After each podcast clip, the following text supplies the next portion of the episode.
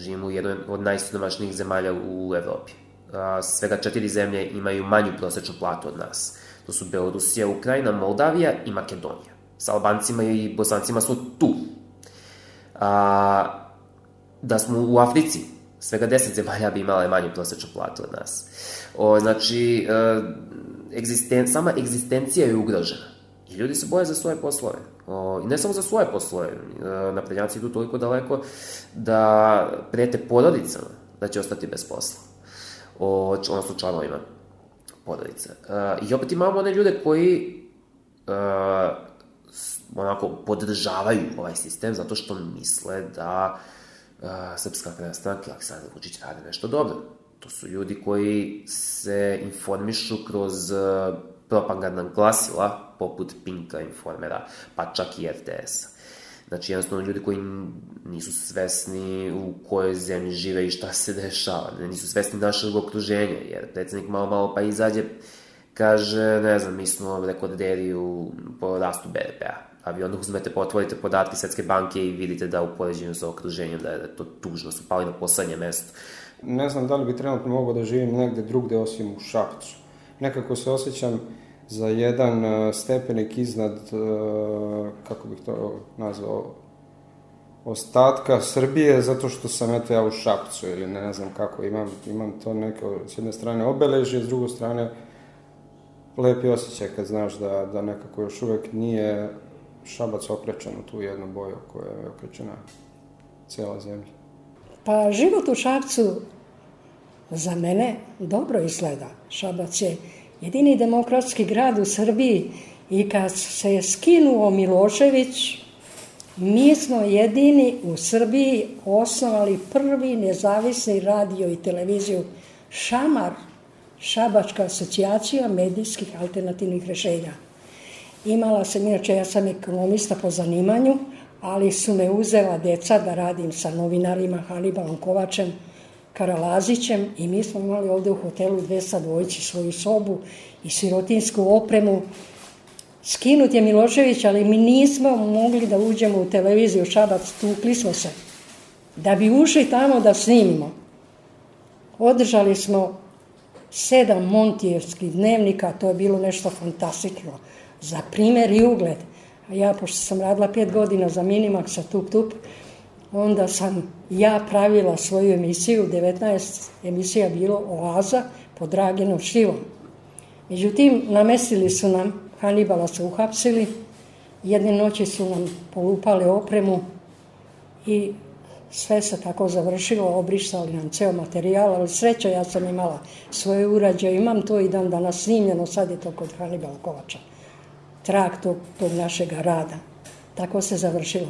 Hoću reći da je bio trnovit put, strahovito trnovit, iako je skinut Milošević, a evo to se i danas dani vidi po ovoj, po ovoj bestijalnoj i krvavoj vlasti.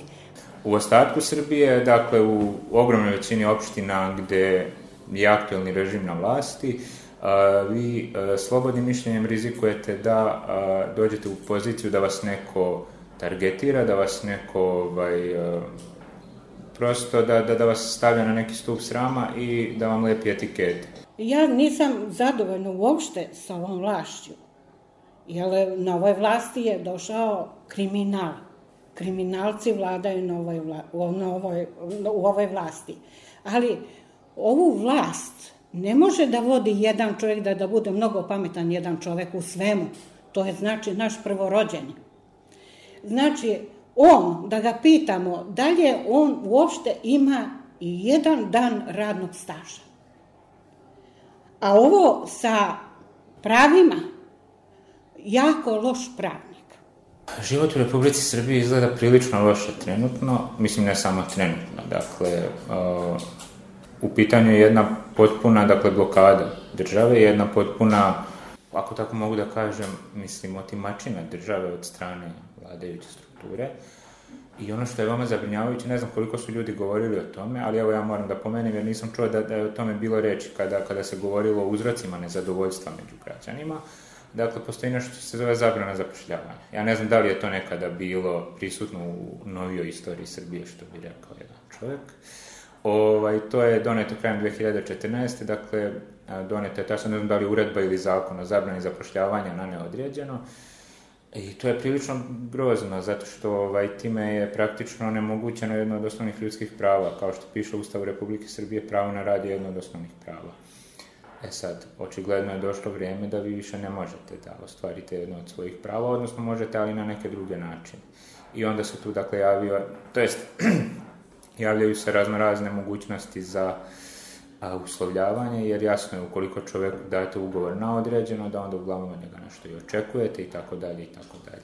Eto, dakle, ja sam morao da pomenem zabranu zapošljavanja kao jedan od, jer dobro, mislim, sve ono o čemu se inače govori, jasno je da to postoji i kod mene, mislim, ta, to nezadovoljstvo i da postoje ti razlozi, ali prosto e, primetio sam da u medijskom prostoru se, kad je reč o protestima, nije toliko insistiralo na tome. Država uopšte ne prepoznaje domaćeg poljoprivrednika nego nam stalno nameće koje kakve namete za ovaj, što se tiče i prskanja i e, dažbina, znači nemamo tako neke subvencije i to.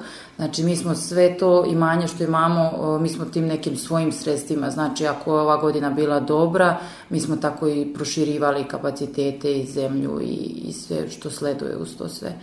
Znači imali smo, e, jedno vreme smo radili e, jagode u plastenicima, tako da smo imali jagode od e, aprila meseca i posle toga e, završavamo jagode u plastenicima, prelazimo na jagodu na polju, to je znači već maj mesec, onda prelazimo u maline, e, maline beremo, evo uporedo, znači ja već sad imam malin, ove kupine, Znači, meni uporedo stiže kupina sad, tako da ja nemam problema, na primjer, sa cenom kao što ostali proizvođači kažu, e, neće da beru kupinu jer je kupina 20 dinara moja kupina nikad nije po toj ceni. Znači ja kupinu završim uh, malte nekad Arilje krene da bere malinu.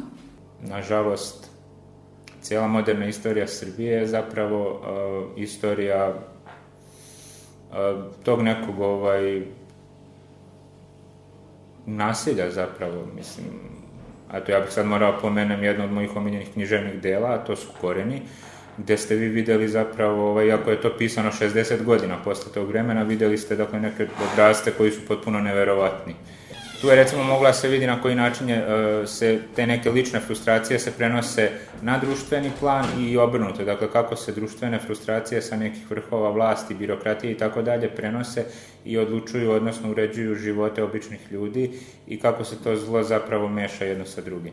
Počeli smo opet da, da uh, buenan nacionalizam opet kao i ranije, Ovaj, mnogo su građani počeli da, da ovaj, jednostavno iz nemaštine, iz očaja, iz, iz, iz, iz siromaštva, opet se okreću ka crkvi, opet se okreću ka Bogu i opet mole Boga, e, podari mi sutra hranu na stolu, a od, posle molitve do tog sutra dan ručka će pogledati zadrugu i gledat će televiziju i reality, neće ništa oni preduzeti da oni stvore tu hranu, nego im je bolje, im je bolje, oni osjećaju ako će zamoliti Boga za to. Pa učeo sam u protestima, jednostavno sam shvatio da je ovo više neizdrživo, da ovaj sistem, nije to samo problem u vlasti, problem je u čitavom sistemu koji U stvari, kod nas ne postoji uopšte sistem od 90. godina prošlog veka. Mi nemamo sistem koji bi mogao da spreči da ovakvi ljudi dođu na vlast. S jedne strane jeste problem u opoziciji, ali mislim da nije toliko veliki problem u opoziciji koliko je problem a, stanje u društvu i nepoverenje a, generalno prema političarima.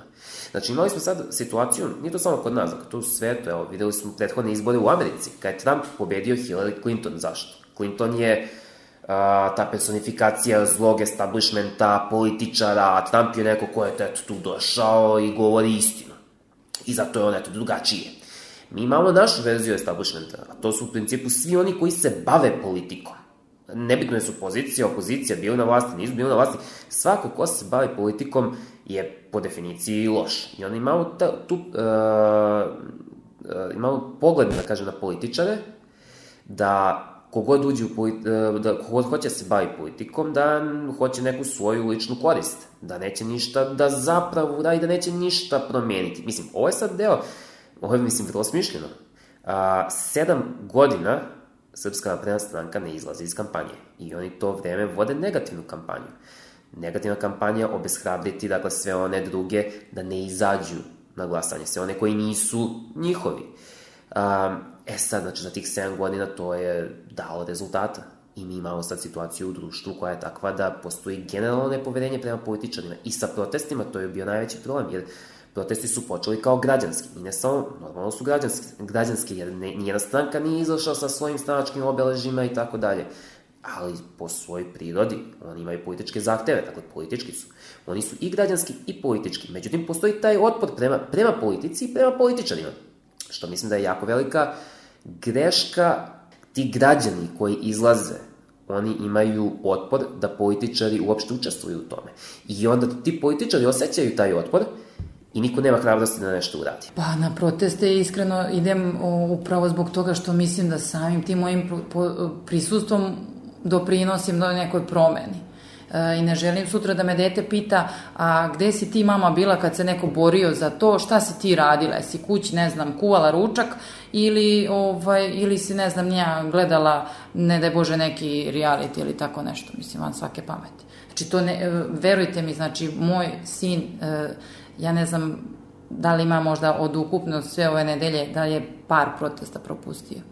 Znači, on je uz nas sve to zavoleo jer jednostavno sva ta energija treba da se oseti, da se doživi, da, da smo mi stvarno jedno telo koje može da pokrene nešto i da može nešto da uradi, da smo mi deo te grupe koja će stvarno i uraditi nešto. Protestujem zbog toga što ne želim i ne mogu da se pomirim sa stanjem koje je trenutno na snazi u Republici Srbiji. Ja sam u protestima ovaj, od početka. Znači, kako je krenulo u Beogradu, mi smo se tako dogovorili, ovaj, jednim, jednim autom smo otišli za Beograd, Ove, tako su tih prvih mesec dana redovno išli tamo, pa je onda počeli kod nas. Ja sam u samoj organizaciji od dakle, početka. Ovo su građanski protesti i mislim da svako ko hoće da izađe je dobro došao. Prosto moramo da shvatimo da imamo jednog protivnika koji je vrlo podmukao, vrlo opasan i um, meni se inače nije dopalo to što su se uh, neki organizatori, uopšte te neke struje što su se pojavile u okviru te protestne mase i ne znam sad neki tamo glumci na Twitteru koji se svađaju, raspravljaju, uh, po mom mišljenju to je možda jedan od tih uzroka koji su doveli do, ajde ako tako mogu da kažem, do kraha ovih protesta jer moramo govoriti iskreno. U politiku sam ušao sa 16 godina života, ovaj, uh, kada su koševi, ja sam živao na jednom naselju trkalište ovaj, se zove, koje je okruženo zgradama, u sredini je velike travnate površine, tu su dečja igrališta i tereni, sportski i tako to. I teren sportski, taj košarkaški je udaljen od zgrade pro, zakonski propisano 15 metara, koliko ja znam, da mora da bude udaljen. On je udaljen više od 15 metara, međutim stanari su se žalili na buku, na jednostavno udaranje lopte, jer je blizu je ali više od 15 metara, nije opet zakonom, je, može to da bude teren. I ovaj, ja sećam se da su me zvali škole i ja sam otišao iz škole taj dan i došao na taj teren i video porušene. I ovaj, pošto su mene od uvek zanimala politika i mene, svi moji radovi ovaj, iz srpskog, odnosno pismi zadaci su bili tako tipu u toj konotaciji političkoj i tako to, ovaj, zvali smo političar i eto tako, i onda su svi mene zvali, rekao, ajde da vidimo da može to nekako da se reši. I, ovaj, I znam da su se stanari tada bili pobunili da, da je komunalno preko mesne zajednice dopis da poruši jednostavno te koševe. Ovaj, tada je, znači to se dešavalo 2015. godine, a naš trenutno gradonačelnik Šapca Bož Zanović došao na vlast 2014. kad su bile one poplave majske. I, ovaj, i međutim, mi smo stupili tu kontakt sa, sa osobama blisku, bli, koji su bliske gradonačelniku, koji su nam pomogli da rešimo taj problem i naš gradonačelnik izašao nam u susret i vratio koševe nove, ne i te iste, nije ih zavario ko što bi neki to uradili, jednostavno vratili tu konstrukciju i zavarili, ovaj, nego i nove doneo, imali smo turnir, lepo organizovane medalje i sve to i onda sam ja rekao, pa ovo je sjajno, ovo je nešto što ono, ja kao 16-godišnjak ovaj, me baš privukao, znači uglavnom ovde u malim sredinama ljudi u politiku ulaze zbog interesa, zbog posla, zbog neke novčane dobiti, kako da vam kažem. Ja sam eto ušao jer sam prepoznao u našem gradonačelniku kvalitet jednostavno. Šta sam ja znao u tim godinama, opet dovoljno sam znao da, eto, ovaj, da je to dobro nešto za nas.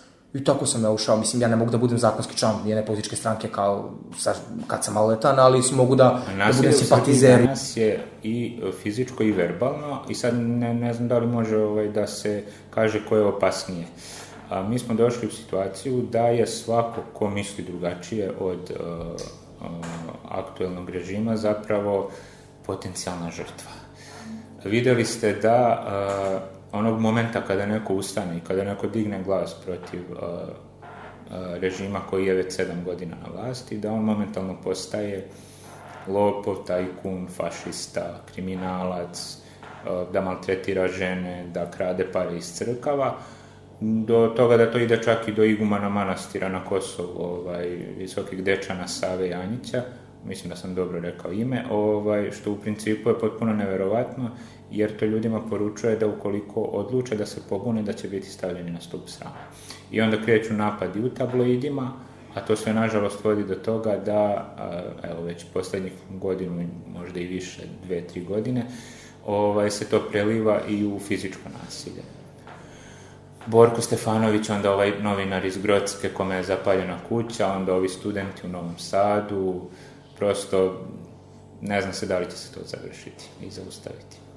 Protesti u Šapcu su krenuli dobro i bilo je tu žara kao i u Beogradu i u svim ostalim gradovima, ali meni se baš čini da se to polako gasi, taj žar i ta, ta ovaj, nema nekog konkretnog rešenja.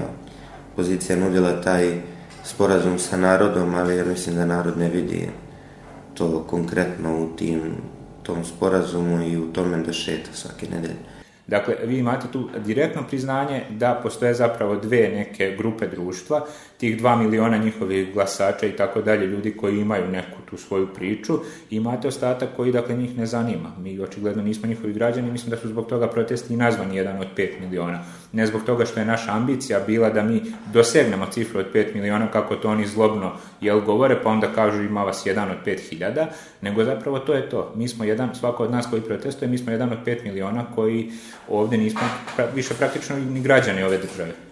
Da, ja sam govorio na protestu Šapcu dva puta i ono, gledali su me kao, kako smeš, kako se ne plašiš da, da će ti nešto biti, da, da će doći do nečega, da li će tvoji roditelji ili ti ili u budućnosti, ne sada. I imaju strah čak i da dođe na protest, da se pojavi, da ih neko snimi, vidi, tako da, tako da je to neopisiv strah gore nego u komunizmu. I to ne onom našem blagom, nego u staljinističkom. Desilo se nekoliko stvari. Prvo je bio najavljen onaj veliki protest 13. aprila, kada se ništa nije desilo. Znači, jako, jako veliki broj ljudi je došao, a ništa konkretno se nije desilo. Postavljen je onaj novi rok kao još 7 dana i tad je već polako počelo da se gasi. Borim se da ostanem ovde, eto tu sam što se tiče tog zašto protestu. Znači, moj prvi razlog je da stvaram sebi sredinu uh, koju mogu i želim da opstanem i da, i da želim da ostanem i da opstanem. I mislim da, da državna vlast, ova republička, ne radi apsolutno ništa po opstanku u ovoj zemlji, odnosno prvo po ostanku, pa onda po opstanku u ovoj zemlji.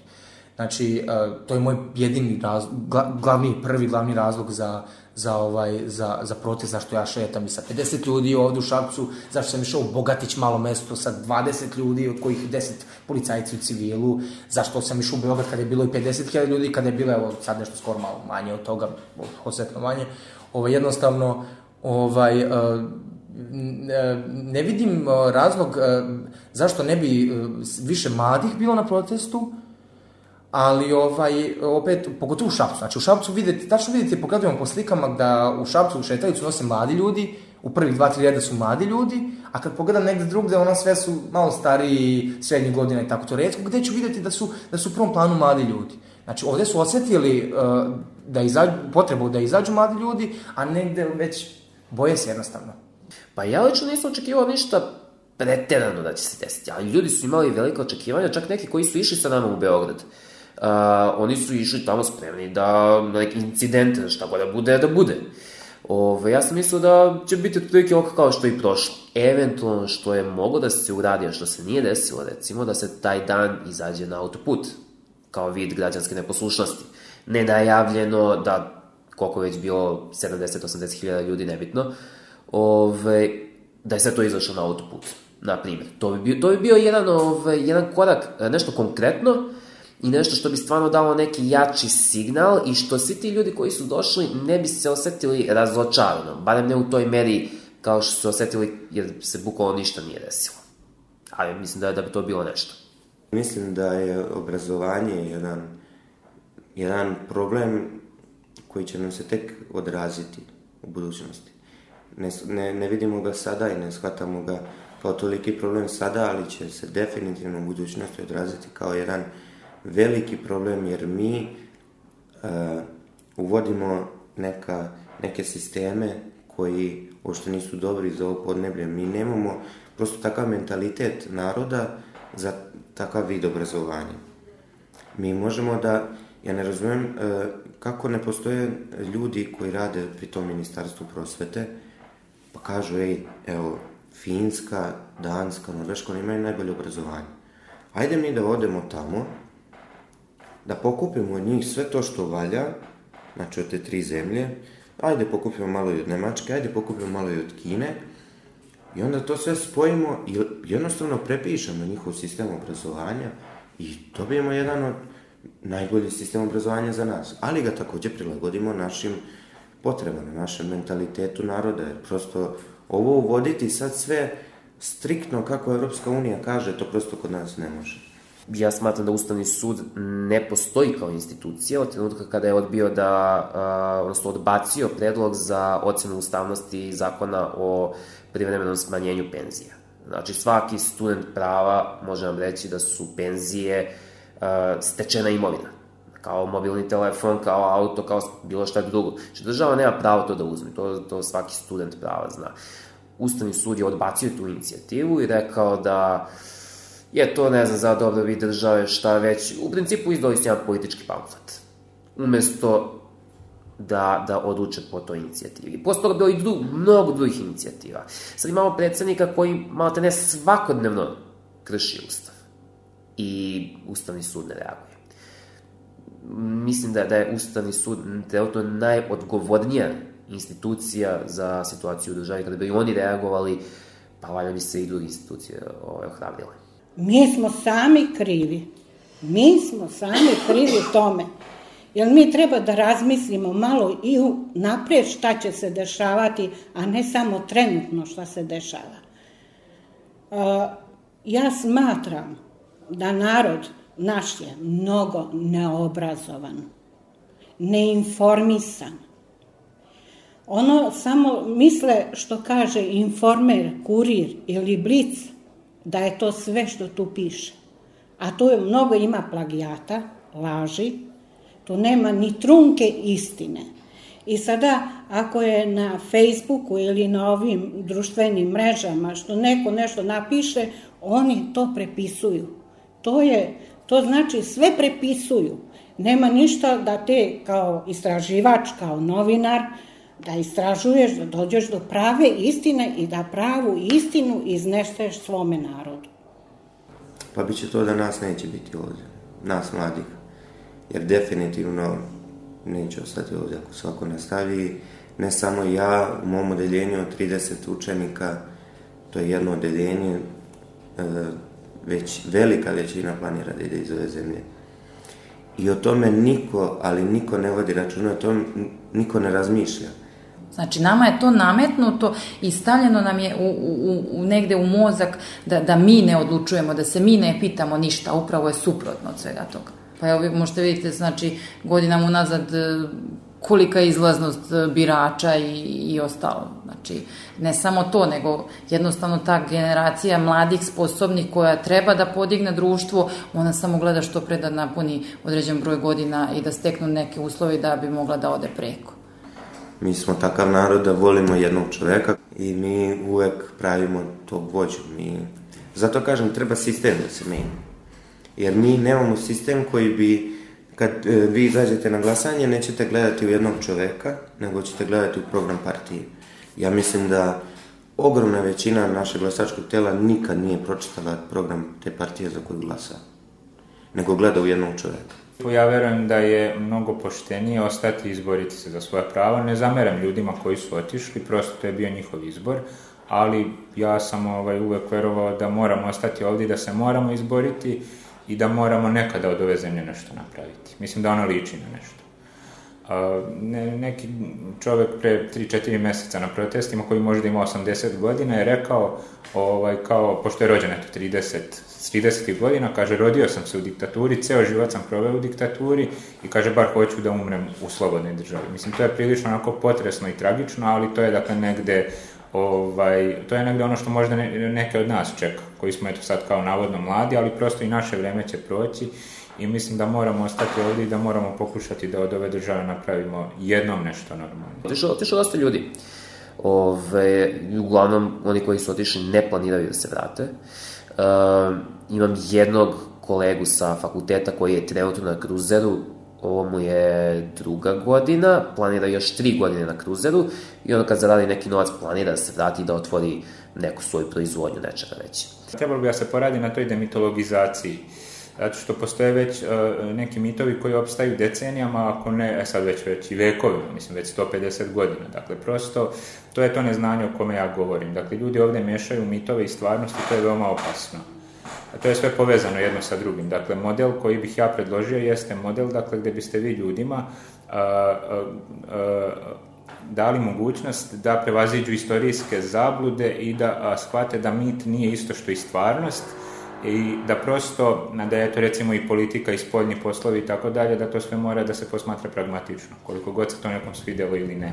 Pogledajte sve ono što se 90-ih dogodilo, koliko je bila posledica a, mitskih zabluda. A, naše najveće mitske zablude su da smo mi posebni, najbolji, divni, najdivniji, da su naše žene najlepše, da su naši ljudi najpametniji, da mi čak i kad smo živeli u socijalizmu, Titovom koji je bio prilično brutalan autokratski despotski sistem, da je to bio jedan najdivniji socijalizam sa ljudskim likom, da takvog socijalizma nigde nije bilo, za razliku od Rumuna i Bugara, jel, gde je bilo užasno, ovde je bilo divno, mi smo imali bitev, i onda smo mi bili kao neka zemlja slobode. Mislim, prosto ovde ljudi neće da se pomire sa tim da postoji nešto što je trulo, da postoji nešto što ne valja, sve se ulepšava, sve se šminka, neće da se prizna istina i onda to ide tako u nedogled i tako se perpetuira to zlo i neznanje.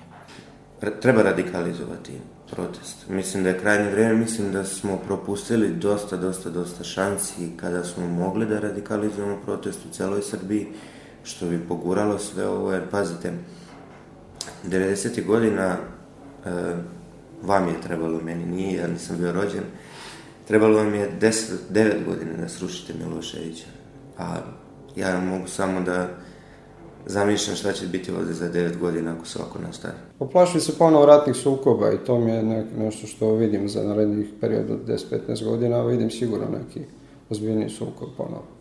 Prosto mislim da je to neophodno da se desi da bi se ponovo neke stvari malo više izmenile, da bi tlo da višim silama bi odgovaralo da se nešto tako desi. Prosto sve to na, na malo više nivou, ali od, ovaj, od sistema prodaje oružja i mnogih tih što su, da kažem, ajde, za nas nevidljive sile prosto koje, koje vuku ove, te za sad možda postoji neka, neka ovaj, varijanta to sa, sa ovaj, na primjer, Albancima. To vam je dovoljno, dve, tri godine dobre medijske ovaj, aktivnosti i napravit ćete od nekoga Mislim, koliko nama trebalo da, da shvatimo da moramo ubiti, ubiti Hrvata i da ubijemo muslimane, da moramo ubiti ovog i da prosto živite u godinama u toj nekoj sferi da Hrvat je neko ko je bezobrazan i, i, i musliman je isto nešto što je stvoreno da bude zlo i mislim, to je nešto što vam je servirano, mi smo odrasli u takvom shvatanju prosto. Ne možemo mi da promenimo sistem dok e, na našu političku scenu ne dođemo mi, mladi, novi ljudi koji jedinu želju za bavljanje politikom imaju da promene sistem i da nešto dobro učine za ovu zemlju. A ne da budu večiti političari koji će morati da žive od politike i da budu uvek uz vlast da bi živjeli od te politike. Ovi protesti su krenuli već neko vreme ovaj, da, da se smanjuju broj učesnika i da opada polako ta energija. Oni će verovatno u nekom trenutku prestati, ovaj, to ćemo videti još kada. Uh, I dalje postoji velika podeljenost da li treba nastaviti ili ih treba ovaj, prekinuti. Oni će, mislim, ja sam čuo sad najave da će od jeseni ponovo krenuti, da će studenti ponovo krenuti od jeseni. Uh, mislim da je u ovom trenutku jako teško ovaj, reći. Preko leta gotovo sigurno da će se ti protesti ugasiti, ali od jeseni mislim da ima šanse da će to ponovo krenuti, ali već od jeseni mi ulazimo u političke kampanje, ulazimo u izborne kampanje, ove, tako da biće dešavanja sad.